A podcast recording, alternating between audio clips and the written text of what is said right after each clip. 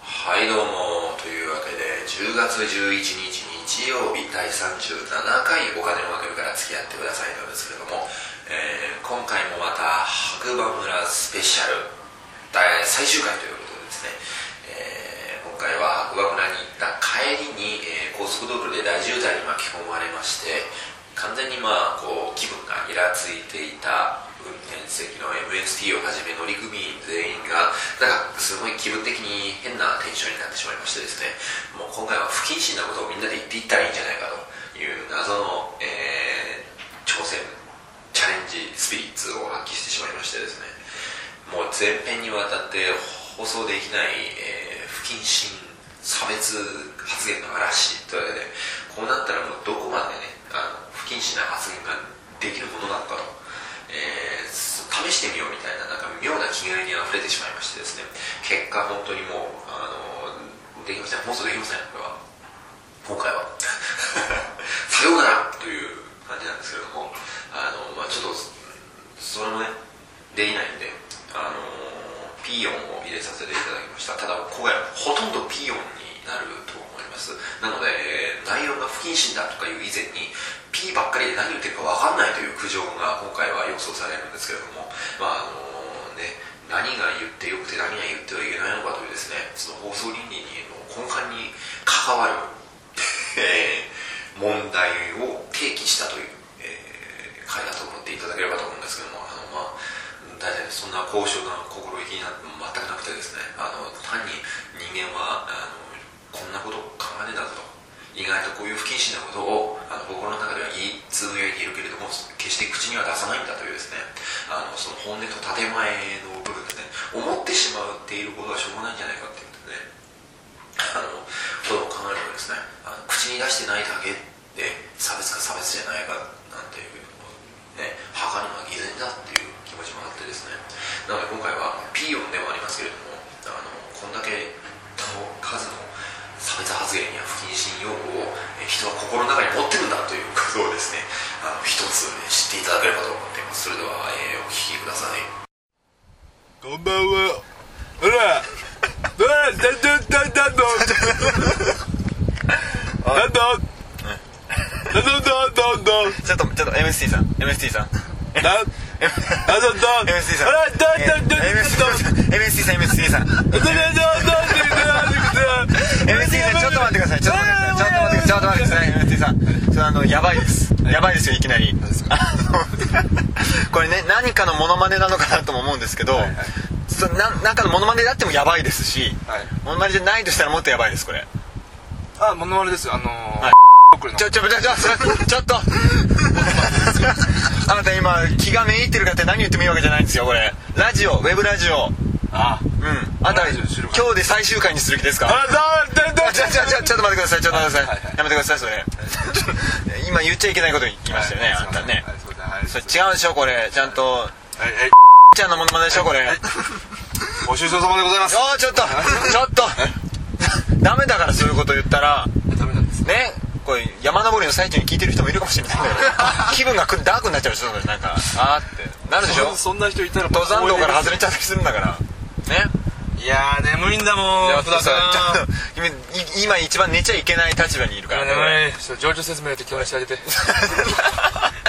なんかな丸投げだな君はだからあのまあちょっと前回ねあの白馬村からお届けしたわけじゃないですか、 あの私のモア・アキヒロが後半グダグダな状態でお届けしましてしまったわけですけども、はい今ね、まあ、その合宿を終えた帰り道なわけだよ、そうですねね、しかしまあね案の定大渋滞案の定シルバーウィーク名物あ大渋滞だぞ ね何のモノマネかは言えませんけれども大渋滞だぞあのそうねあうのん大渋滞ですよ今今どこら辺走ってんですかこれえー、大月ジャン大クション月トンネルはいありますけども中央道大月ジャンクションを行って、えー、はい南郷坂に向かっておりますはい山坂向かってますが多分危ない危ない危ない危 ないあちょちょちょちょちょ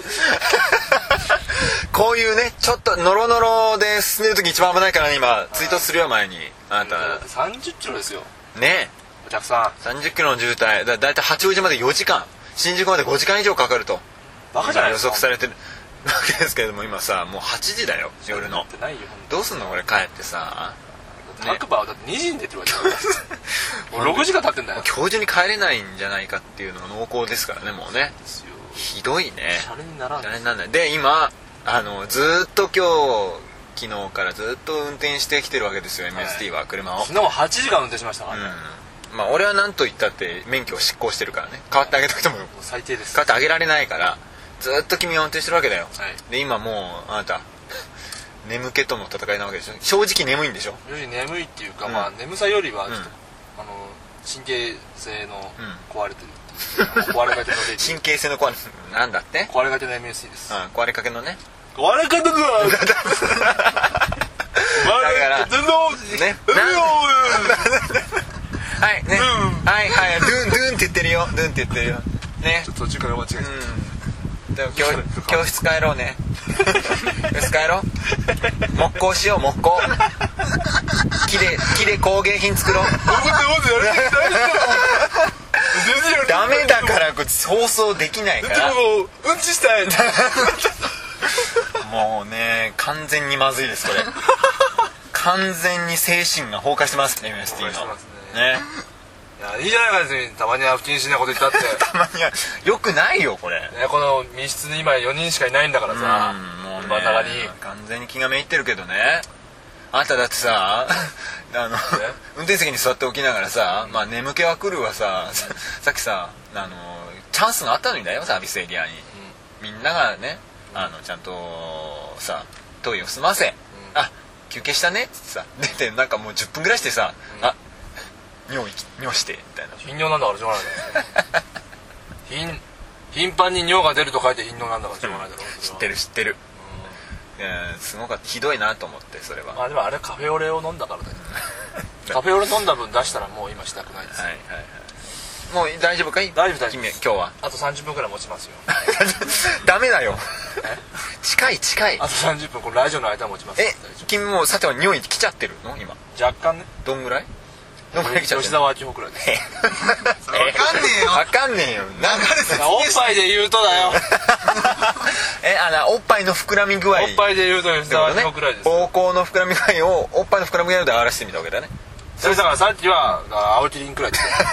あもうもうさっきは青木にぐらいだったけどもうさっき出してきたから出してでももう次の波来ちゃってるんでしょそれが吉沢君ぐら吉い沢明夫くらいですなんで AV 女優で例えるんだよそういう流れがあったんですそさっきあったんねほんあったっけそんな流れあったあったあったんだいっぱいあっいっぱいあったそう山ほどあったねその山ほどあったそういう流れしかなかったと言ってもおおっっぱいの話しかしてなかった時期は確かにあった最低だったうんだって今日はあの帰りの車の中で、うんほぼ男4人そうだねこっちはあのそう我々2人とメンあとはメンバー1回ぐらい変わってますけども、うん田中贋作と、えー、イージー前この前その前ちょっと前のまではマスラオで、マスラオデブだったけどもうずっと下トークだったよねずーっとだってなんだっけ最初何から入ったんだおっぱいのかな最初はおっぱいおっぱい最初おっぱいパイオツレクチャー会議かな その後なんだっけまあ AV, AV の歴史についてだったですねそう AV の話して AV の話して AV20 年史くらいやってましたようね、ん駆け足で振り返ったねそのもう後みんなね嫌になっちゃったか らねうんバイダンがねワイダンが嫌になっちゃった話題になっちゃったらなんか不謹慎なこと言いたくなっちゃった不謹慎なことばっかり本当に言えないことばっかり言ったよ ね差別表現の嵐だったからねこれそうそう何何を言ってたの例えばうん だから言っちゃこれアップできなくなるよそのままな何言ってたっけなピー音入れなきゃいけなくなるからえーダメダメだよえーちょっとなんだっけ、えー いいんだよなんかそうやってあだから要するにその差別表現があるけれども、はいどこが差別なんだとはいなんかちょっとね硬い話になってきてるそういう話してましたうよ、んまあでもその後またうんこの話に戻ったけどねそうまたうんこうんこの具合がどうだっていう話に戻っちゃったんだけどねこれねなんか漏らしたことあんの最近いつ漏らしたいつ漏らしたんだうんこっていう話になってね、うん、まあ結構あるよ ねっていう人間はお腹下した時に一番危ないよねって話になったからねしてたねうんそんなこんなんですよ、はい今週はこんなですねいやーちょっとだからす本当にちょっとひどいよ今今この状態眠いんだ眠いからちゃんと前見てねまあ見てる見てるはいじゃあちょっとこれあの、まあ、と止まった時じゃないとオープニングいやいけるいける いいけるいける今うん本当に今いけるあじゃあ行きたいと思いますよこんな感状態だけどいいね行くよいや臨場感あっていいと思う臨場感っていいと思いますどうしたってちょちょちょダメだからちょ途中からキャラ変わっちゃった変わっちゃう臨場感なんて言葉知らねえだろそういう人だおいおいおい贋作はいなつぐめ口をつぐめどこどこってなってるんだ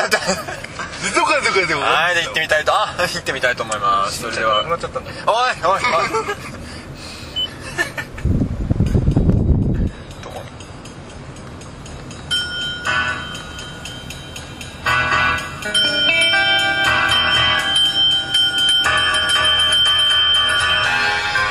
MST と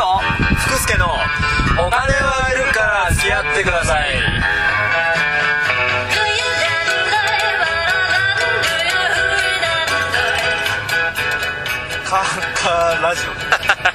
日はカーラジオオカーステレオカーステレステレオからやってるいいね臨場感だねこういうのはねやっぱオこれりどういう風に聞こえるんでしょうねねどうちょっと全然聞いてみないことに分かんないっていう,、うるね、さいんじゃないかな多分と取って出しのもうちょっと下げますかじゃあ車の音とかが多分、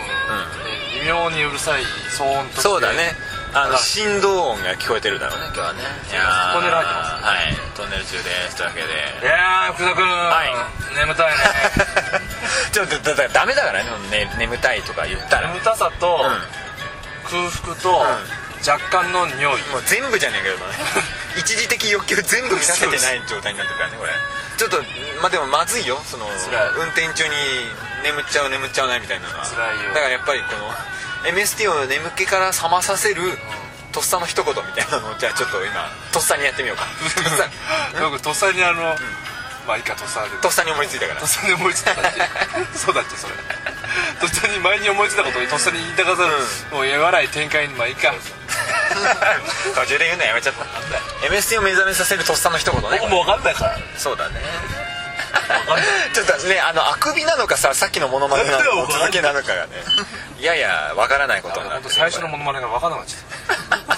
ゃった 見失った完全ねいに、やちょっとね眠りそうな MST をちょっと目覚めさせなきゃいけない、はいなんてどうすれば起きるんだろうねこういう時あはあねなその辺のなんか組んでさ、やってようん、なんだろうこれ骨見えてるよとかそういうことまあちょっとドキッとはしたけど さドキッとはしたけど別に痛みとかないから大丈夫ダメ、あそうなのなんかああれ血血出てるよみたいなのはダメなのああそれもうだから痛みを伴わないとね おばあちゃんついてるよそれはちょっとドキッとするねそれゾゾクッとする ねあれ暗いからね今ねは真っ暗ですよダメなのあれちょ脇の人宇治湧いてるよねえー、って何だろうそれだからあの その目が覚めるとかじゃなくて、うん俺ちょっと乗でりも乗りつこみしなきゃいけないような気持ちになってくえるでもちょっと一瞬目は覚めるでしょこれ 目覚めるっていうか、なんかあんま気分良くないななんでそういうのダメなの分かんない分かんない、ちょっとなんか適当にさ地味なのやってみる よどうすれば目覚めますかねどうしましょうねうんなんかないこうとっさにとっさにこういうこと言えば眠今にも眠ってしまいそうなね MST をいや見えてないだろう乳首立ってるよ それあのなんだろう眠気がどうのかよりちょっとなんかムカつ くわイラッとするわそれねおなぜ男にそれを指摘されなければいけないのかっていうところもね帰ったらアイドルとセックスできるよ ただの嘘じゃんえってなるなってもそれそうそれでえってなるなったら自分にへこむわそ れただの嘘じゃんの作者生きてるよそれリアクションで困るだろいやー不謹慎だねやばいね完全に不謹慎だこれねえ板金塗装の仕事残ってるよ いやーダメですね目覚めませんね全然ねもうちょっとなんか不謹慎なこと言ってくれ いやーちょっと不謹慎に不謹慎っつってもなかなか選ぶよいろいろいやだからね僕は本当思うんだけども、うんあのさっきもちょっと言ったんだけどさ、はい不謹慎なことを喋ってる時が一番面白いあ本間違いこれ間違音い本音ポロリしちゃったけど不謹慎なことっていうのはテレビで絶対にね、カットされちゃうじゃないですか、はいラジオでも大体カットされちゃうし、まあ言っちゃいけないで生放送でやっちゃったりすると、後で謝んなきゃいけなくなっちゃったりするでしょ、はいで僕は思うにですね、で普段の会話の中でもさ、レストランとかでもあんまできないじはいはい実はゃん、まあ飲み屋でも不謹慎な話って実はちょっとなんかあの本気でしようそうそう養老の滝でバカの話はあんまで きない おー宗教にまで及んできたねできないなそういうノリまあできないってあるじゃねですかうん特にブックオフとかではできないよねそうそうブックオフでねあのーいらっしゃいませとかうるさいんですけどっていう話とかできないから、そういう意味で言うとあのこの車の中っていう空間っていうのははい不謹慎な話をするのに最適なんですよ最適なんですね ベストですはいそれは分かったんですけどそれをわざわざウェブラジオに載せる意味が分からないなんでそんな危険な賭けに出るのあなたはああだからやっぱ構ってほしいんだな頑張ってほしいんだろうね怒られたいんだもんねうちらね早く怒られたいと思あってるとかあらのね怒られたいって手いっう取り早く怒られたいって思ってるからね気持ちもあるし、うんまたあの僕らしかできないでしょ それはみんな怖くてやんないだけだよあとなんみんなかできるんだけどやってないだけだからね不謹慎がなんぼのもんじゃいっていう気持ちもあるわけですよ 不謹慎って誰かが決めた価値観でしょまあねそうだよねえそりゃそうですよそんなのとか言わしてほしいよほんとさあゆうちゃん言ってやったぞそういうことを言わしてほしい言ってやったぞ何がいけないんだよ気狂い気狂いの方がいいんじゃないかな、ねだって今だ釣り基地とかだってちょっとダメなんでしょそうそう釣り知事三平お前映画化してんのに今釣りからだあれよそんな釣り好き三兵とかって言わなきゃ釣 り好き三兵釣り好き三兵とか言わなきゃいけ全ない然読みたくないよそん なただのだから友達じゃないかそれ、ねえ本当だよね釣り好きの友達全三然平読ってみやつたくがるないいんのだよねあーだからね本当ねその言葉狩りっていうのよくないよね本当に良くないそれだからねもう君が前になんかブログで言ってたかもしれないけどさ、はそういう言葉尻を捕まえてね差別用語だなんだって騒ぐやつこそが差別主義者なんだよ、ねえそうですよ声を大にして言いたいねねそういうことは言う人が差別主義者なんですねなはいつって言いたいですこんな MS にぜひ皆さんカンパをしてほしいですけどもねいやー命の危険が迫ってるねえお金をくださいすごい略し方だ MST のお金をくださいそういうことで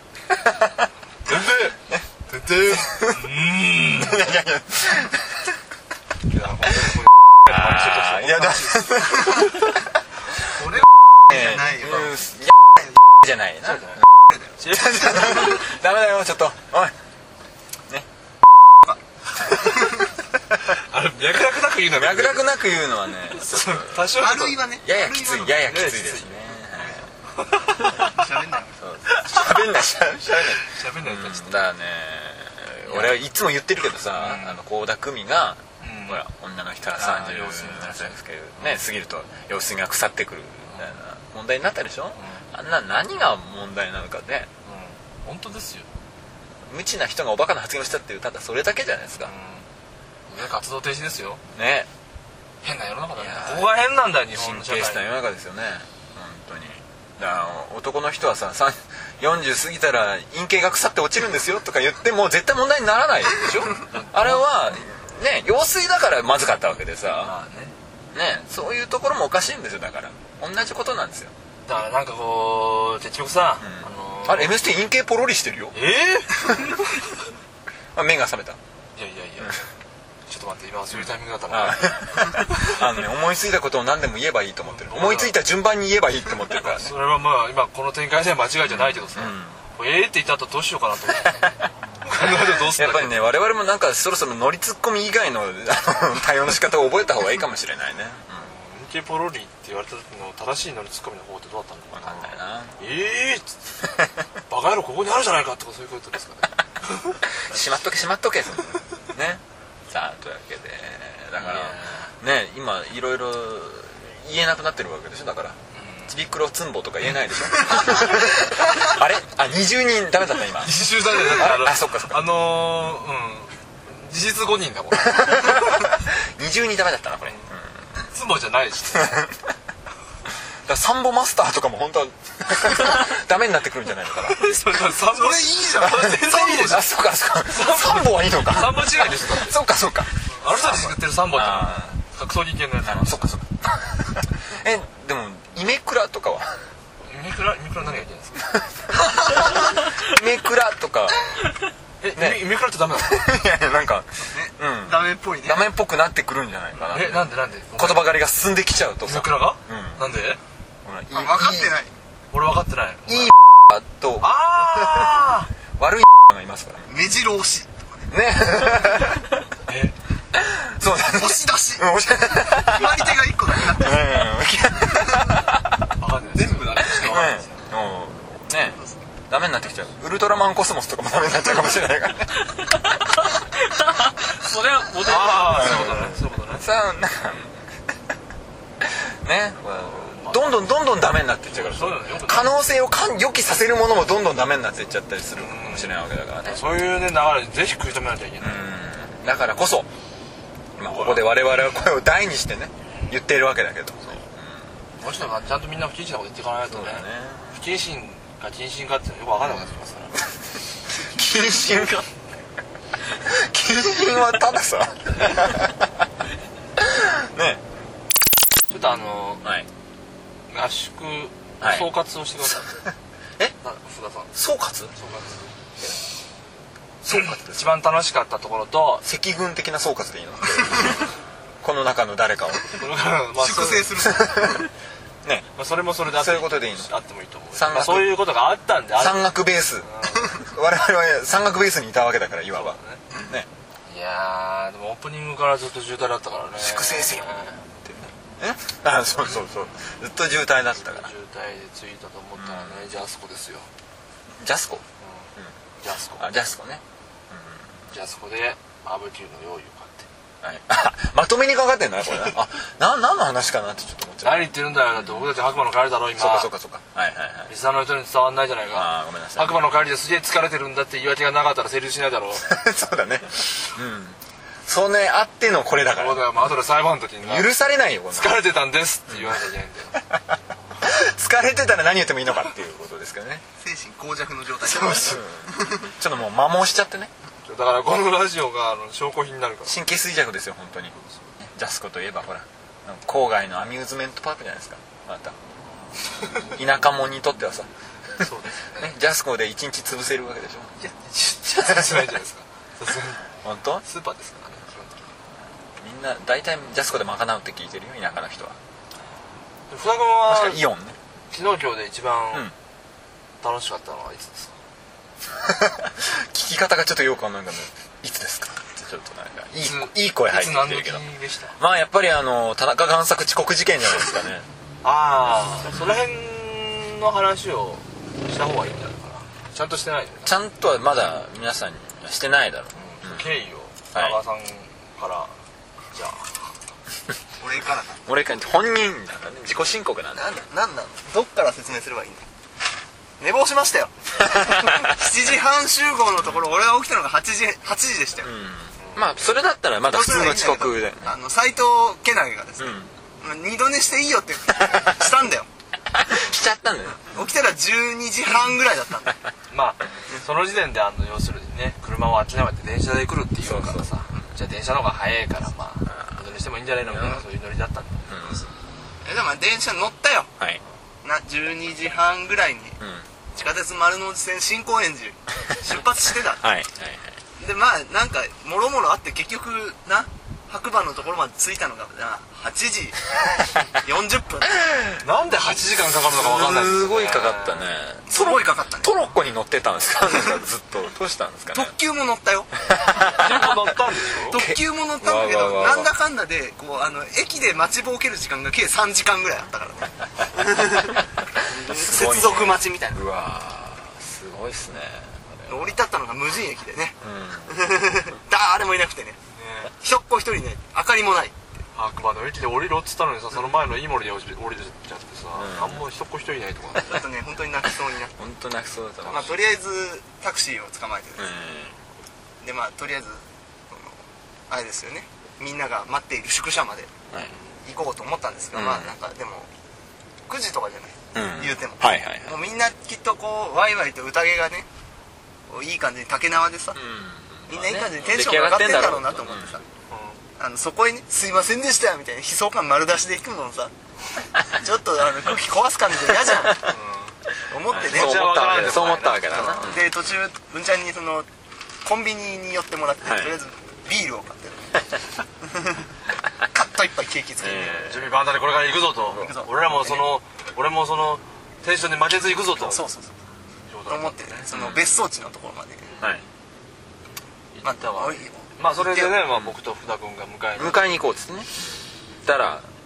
まあ、なんか一 人とぼとぼ泣きそうになって歩いてる人がいてちょっと怖いから逃げようかと思ったんだけどあれはでも怖いで真っ暗だからねもうすブレアウィッチみたいだったから本ね当だよだってあのなんかなんかちらっとよじったよみたいな感じだったよねあんま街灯ないしさ そうだから全然ないのよ街灯俺ら懐中電灯一個だけ持ってねなんでなんで直前のとこまで来てもらわなかったんだタクシーでだいぶ手前でタクシー降りちゃったんだねだから電車もタクシーも全部手前で降り 全部手前で降りちゃ全っ部た手前が好きなんですよねそうだね前乗りま前あ、あ乗したかった焦りの表れというあの読み少しでも早く少しでも早く全部裏目に出たよねえあの夜道は怖いよ本当に本当にちょっとね泣いたうっすらねうっすらねうっすら目に涙を浮かべてましたけれどもさ会いたかった相当会いたかった歌歌歌が出たぐ らい会あ寂しかったからいたかった会いたか った会いたかったイエイ泣きそうになった時はそれを歌ってたの一人でねいやまあそんなこんなでたどり着いたね、ん別荘地であのダニュンが待ち受けてたのかっていうのはまあまあまあねまあひどかったねまあひどかった洗礼をね洗礼をね受けたわけですけど、まあま当然の仕打ちではあったと思うんだけどあ、その様子はなんかの後々アップされるのかなわかんないけどいやしないでほしいねあれは ねかなあれまあまああの編集点をうまく見つけた上で、ねそうだね、えー何かしらはアップしたいと思ってますけれどもまあボロボロですよねはい。まあ、あと5分ぐらいになってしまいましたけれどもね。えー、いやいやー福田君疲れが見えてるね、福田君遠くにーどうしたどうした福田君遠くに疲れが見えてるよ、全く疲れてないです。頼みますよ、はい。もう全然眠たいんだからもう、本当に。おー全然疲れてないよ。だってないうん、色だからもう。じゃああのーちょびちょびね俺なんか色以外ですから、ただの。おいじゃあ色違いを埋め込んでモテ俳句1個のやり ますえなんだ違いを読み込んでえー言い過ぎだろちょっと、途中で言い直せよね読み込んでよえ、式状況、式状況ですそかそられ。でいこね、式状況でいこうか。いいんだよ別にちょっとだんだんずさんになってきてる ね元からもう何もなかったけどねそんなのねいやーちょっとなんだろうなどうしようかなじゃあいいですかいやーちょっと待ってちょっと待ってだよじゃあそれでは福之助で色違いを読み込んだ一句よーいドンあそこはねどどめ色だよ 色ダメだまあよかったんじゃないのちょっとダメだこれはいや悪 くないと思うよ俺は嫌いじゃなかったちょっとあー反省だなじゃあちょっとあのエンディングテーマ探して探すって何探すってどういうこと カーステロでやってるからカステレオでやってるからね全然曲が探せないんだよねオープニングは探した上でやってたんだけこれねど多分どっか探してあるよ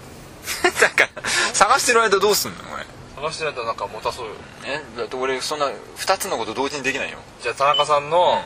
あの不謹慎トークで不謹慎エロトークうで謹慎モノマネする不謹慎言葉でいいですねいいよいいよ、はいお願いしますじゃああの節子のマ ネいきますはい兄ちゃんうちずっとビチビチやねんいかがでしょういやーちょっとあのやばいよ はやばいよあいいと思うやばいですうねんをねあのふざけの土壌に乗せるのは本当ほんとよくないまずいじゃあ続きまして、はい 続きまして続きまして、 えの墓よダメだっつってんのに主人公名前なん だっけえななんだっけ名前ねなんだってねうんキーボーなんだっけ知あらんの知らんタボーかタタタボタボは違うタボがタボがあのダメだダメだからダメだからまあえっとまあまああの主人公の男の子が、こう節子をね、はいあの止めるときに言うセリフ、はい節子あかんそれドロップちゃうおはじけやおはじけおはじけおはじけをこうあはいのね節子が狂っちゃってこれじゃない